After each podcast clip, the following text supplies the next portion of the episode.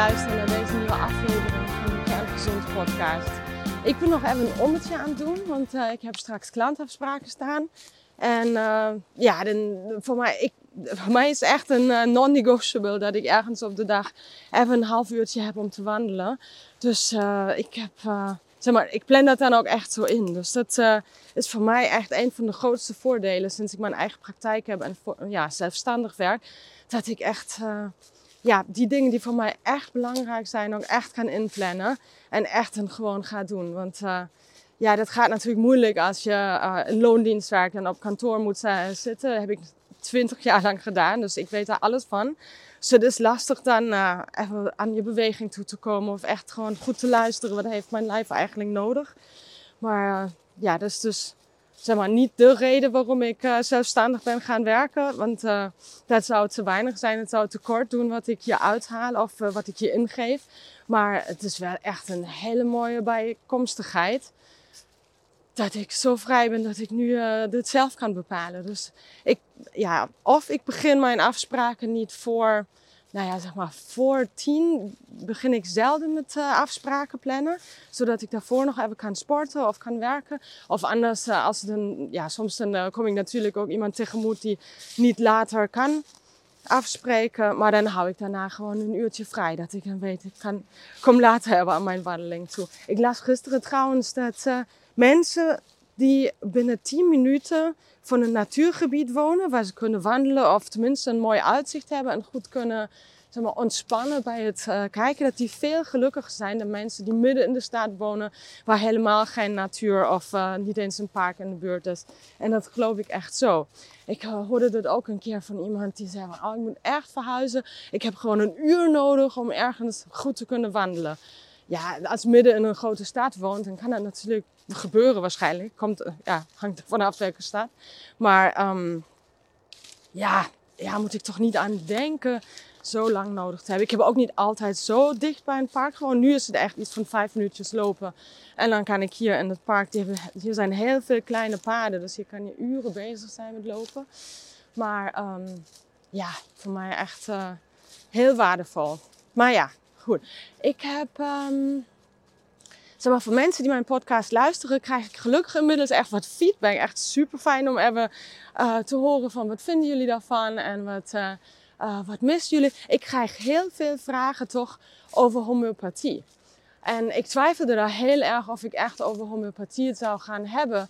Want het is zo ingewikkeld toe te passen als je echt um, ja, voor, voor, zeg maar, als je echt jezelf genezend vermogen, zeg maar, um, voor je heel gestel wil aanpakken. Dat is echt heel erg ingewikkeld.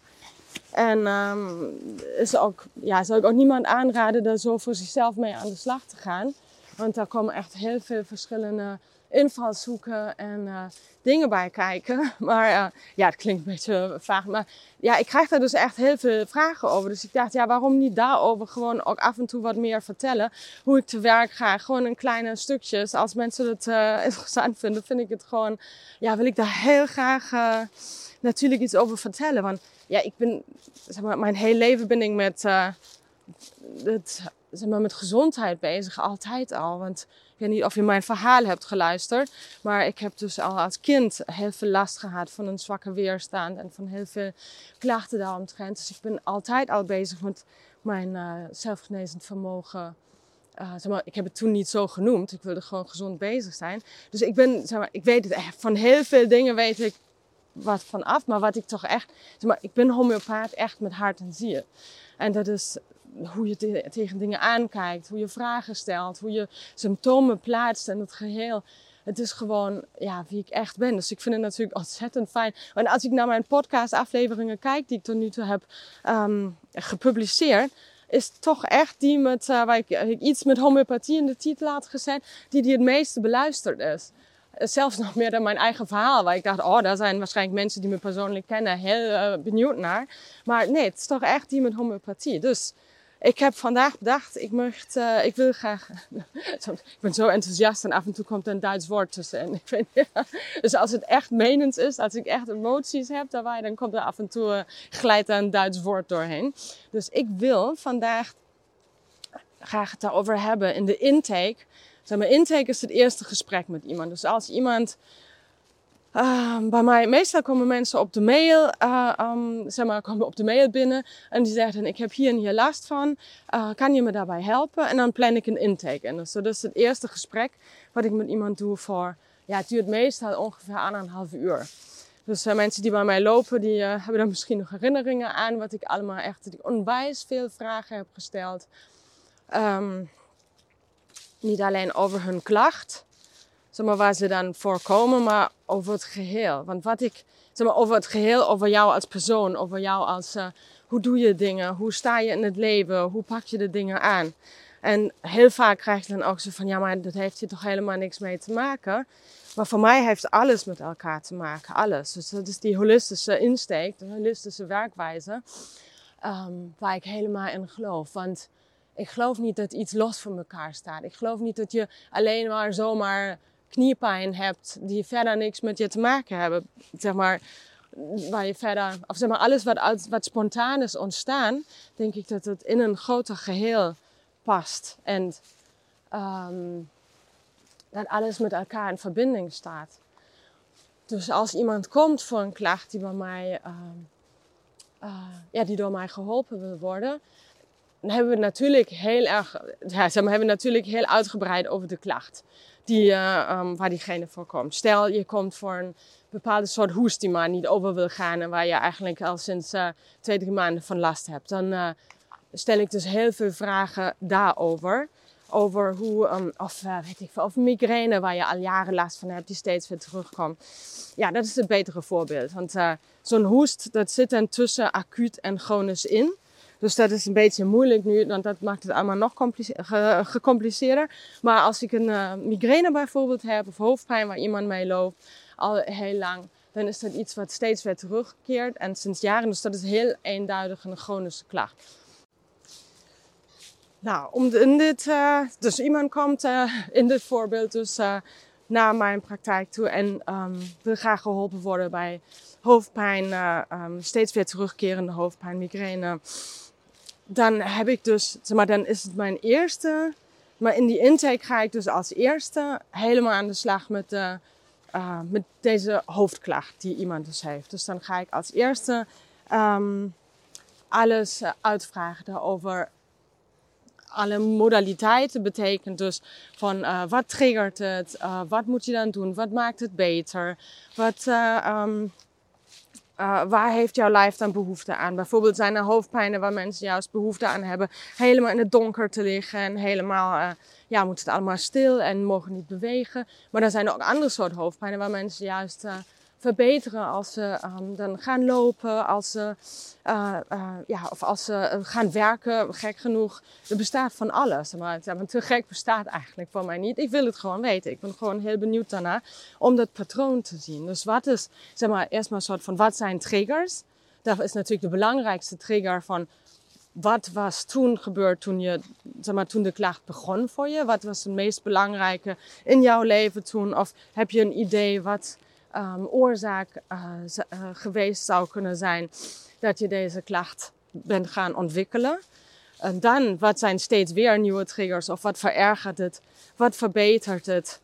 En uh, um, of, ja, op welke tijden van de dag heb je het? Zoiets. Dus er zijn van, van alles wat je maar kan bedenken om dat patroon in kaart te brengen. Van wanneer heb je hier last van? En wat moet je doen zodat het beter wordt? En wat moet je vooral niet doen? zodat het niet erger wordt. Dat is dus de allereerste stap. Dan um, gaan we daarvan uit dus dat um, je niet alleen last hebt van die ene klacht. Dus daar in het vaak zijn er nog andere klachten die daarmee um, samenkomen. Of er zijn emoties die daarbij komen. Emoties zijn er eigenlijk bijna altijd. Dus je hebt een bepaalde klacht. Wat voor emotie heb je daarbij? Ben je daardoor juist heel erg uh, verdrietig, schichtig, word je hopeloos of word je juist heel boos, denkt, oh dat is irritant, waarom heb ik dat nou weer? En uh, dus dat zijn hele verschillende um, dynamieken die dan in zo'n klacht, in zo'n hoofdpijn eh, kunnen zitten voor mij. Dus dat is voor mij een heel ander patroon wat ik dan zie bij iemand.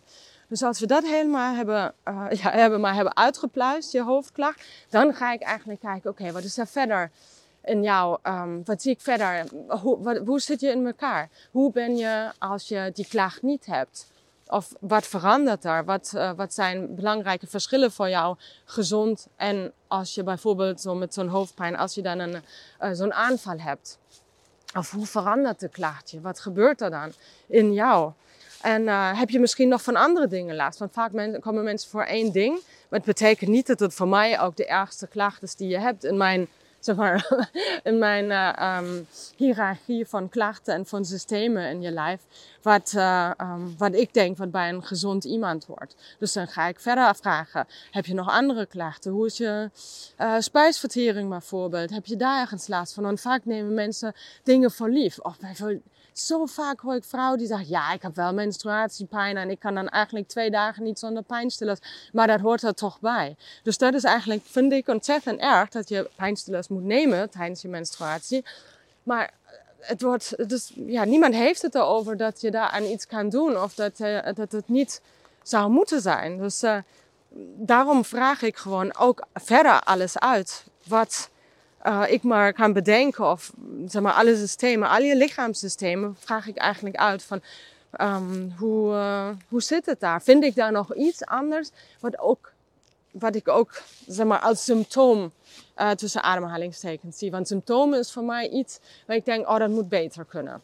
Dus ik, ik behandel niet alleen dat waar jij voor komt, maar ik vraag gewoon het geheel uit. Zie ik nog andere dingen waar ik denk van, ah, maar dit is hier laat de levenskracht voor mij ook iets zien. Ja, levenskracht klinkt zo zweverig. Ik kan ook gewoon uh, je vitaliteit laat iets zien. Dus alles, alles wat ik aan symptomen zie, is dus eigenlijk dat de vitaliteit hier op zich gericht heeft. Dus jouw lijf heeft besloten hierop energie te um, uh, gebruiken om hier een klacht te laten zien. Dus dat is voor mij iets, daar geeft het lijf richting aan van oké, dit is dus een orgaansysteem wat ook mee geraakt is door die verslechtering van je gezondheid. Dus dat is voor mij ook een belangrijk symptoom wat ik mee wil nemen uh, in het middel wat ik dan kies. Dus daarom gaan we dan, zeg maar, ga ik in een gesprek, uh, in een intake met iemand, gewoon alle symptomen, uh, alle orgaansystemen, alles even af om te kijken, zijn er nog meer symptomen? Is er nog meer? Bijvoorbeeld, hoe slaap je?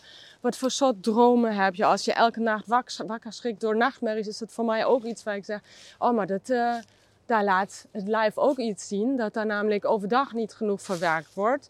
Of daar misschien angsten zijn die allemaal weggedrukt zijn, die zich s'nachts Dus dat er overdag meer naar buiten mag. Dat er dus iets van um, opgekropte emoties kunnen zijn. Blokkades, iets dat je niet aan toekomt of niet toelaat. Dat je bepaalde angsten of zoiets overdag... Um, uh, ja, dat, dat je daarmee aan de slag gaat, dat je daarmee werkt, maar dat het allemaal s'nachts moet gebeuren. Dus daarom ga ik ook dromen uitvragen. Ik vraag voorkeuren uit van uh, wat eet je het liefst, wat, um, uh, um, waar, uh, ja, waar heeft je lijf behoefte aan? Wat geeft jouw lijf aan wat hij nodig heeft? Hoeveel drink je? Zweet je veel? Dus dat zijn allemaal dingen waar... Dus we gaan gewoon... Ik ga dus eigenlijk alles doorpluizen. Of ik ergens symptomen nog zie waar ik denk van... Oh ja, dat is ook taal van je lijf. Dat is gewoon... Daar, daar gaat energie naartoe. Of daar is juist energie van afgehaald in jouw geheel. En daaruit zie ik een patroon over wat, eh, zeg maar, hoe jij, niet wat bij jou scheef zit, maar hoe jij scheef zit. Dus wat, nou scheef zit, dat klinkt alsof er iets helemaal mis is. Zo is het niet, maar wat jouw lijf eigenlijk aangeeft van, um, ja, wat, waar, waar, zijn zwaktepunten allemaal? Maar, waar zijn zwaktepunten of waar gaat juist te veel energie naartoe? Dus daar ga ik een patroon van maken. En dat dit patroon ga ik dan terugzoeken in het middel wat ik jou geef. Dus ik wil een middel vinden wat qua patroon zo goed mogelijk bij jouw klachtenpatroon past. Dus daarom loop ik alles, zeg door.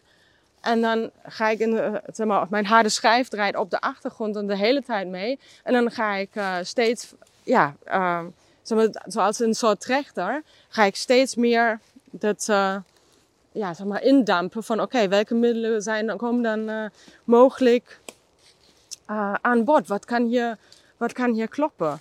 Ik heb ook een groot dus een computersysteem waar alle symptomen uh, in staan die voor die homeopathische middel ooit gewerkt hebben. Dus dat is echt een heel groot programma. En daar ga ik dan parallel ook kijken van oké, ik heb je een heel bijzonder symptoom gehoord hebben van je. Dat weet ik even 1, 2, 3 niet. Of um, ja, eigenlijk zeg maar, na het consult ga ik sowieso alles alle grote symptomen in dit computerprogramma even nazoeken van klopt dat wel? Heb ik een middel over het hoofd gezien? Dat we dan, uh, um, stel dat je dan terugkomt en zegt ja, nou het helpt wel een beetje, maar niet helemaal. Dat ik dan al meteen weet van uh, oké, maar dan uh, kan ik hier en daar verder gaan zoeken. Want um, ik moet het er maar mee doen wat in het eerste anderhalf uur wat er allemaal naar voren komt. Soms vergeet jij misschien dingen, vergeet ik dingen te vragen. Of we komen gewoon uh, zo, uh, we zijn zo druk bezig met één bepaald uh, element dat we aan iets anders niet meer genoeg toekomen. Dus dat, maar dat, dat mag er dan allemaal zijn of zo. Dat is dan allemaal hoe het op dat moment, ik kan alleen werken met wat zich op dat moment allemaal openbaart voor mij. En wat voor jou op dat moment belangrijk genoeg is om te vertellen. Dus uh, zo kan dus het tweede of het derde gesprek nog, nog een keer heel anders weer zijn dan het eerste gesprek. Omdat er dan toch nog echt uh, vaak heel veel nieuwe informatie aan bod komt. Of in een hele andere uh, laag nog weer een, zeg maar, een stap dieper gaan. Maar, um, zeg maar binnen de eerste twee, drie consulten is het normaal gesproken echt wel zo dat we het goede middel te pakken hebben. En dan de behandeling echt van start kan gaan kan gaan. Ja, en dat is, ja, dat, ik vind het uh, zo'n mooi en zo'n bijzonder proces. Dus daarom vind ik het zo fijn ook daarover te kunnen vertellen. Dus ik ben heel, uh, uh, ja, heel benieuwd wat je hierbij denkt. Of, of je dat triggert. Of, of je, als je zelf bij mij hebt gelopen, dat je denkt van, oh, maar hoe staat dat dan? Laat me dat vooral weten. Vraag dat graag. En um, ja, je merkt misschien aan dit verhaal dat het echt uh, ja, dat de informatie heel diep gaat en uh, um, heel complex eigenlijk kan zijn. Afhankelijk daarvan wat de klacht is of wat iemand um, allemaal mee heeft gemaakt. Of wat iemand, um, ja, zeg maar, hoe die bij die klacht is gekomen die die wil gaan behandelen. Dus daarom is het voor, voor chronische dingen of voor gestelbehandelingen, waar je echt in je geheel naar een hoger level wil komen qua uh, gezondheidsniveau, is het echt ja, dat kan je niet uh, alleen doen, een beetje zelf uh, met een uh, boekje over homeopathie zelf gaan behandelen. Kan ik echt absoluut niet aanraden, omdat je toch sowieso denk ik niet dat je het zelf kan, de behandeling. Ik heb zelf ook een homeopaat waar ik naartoe ga, waar ik, omdat ik het zelf dan vaak niet zie, omdat je te dicht bij jezelf staat.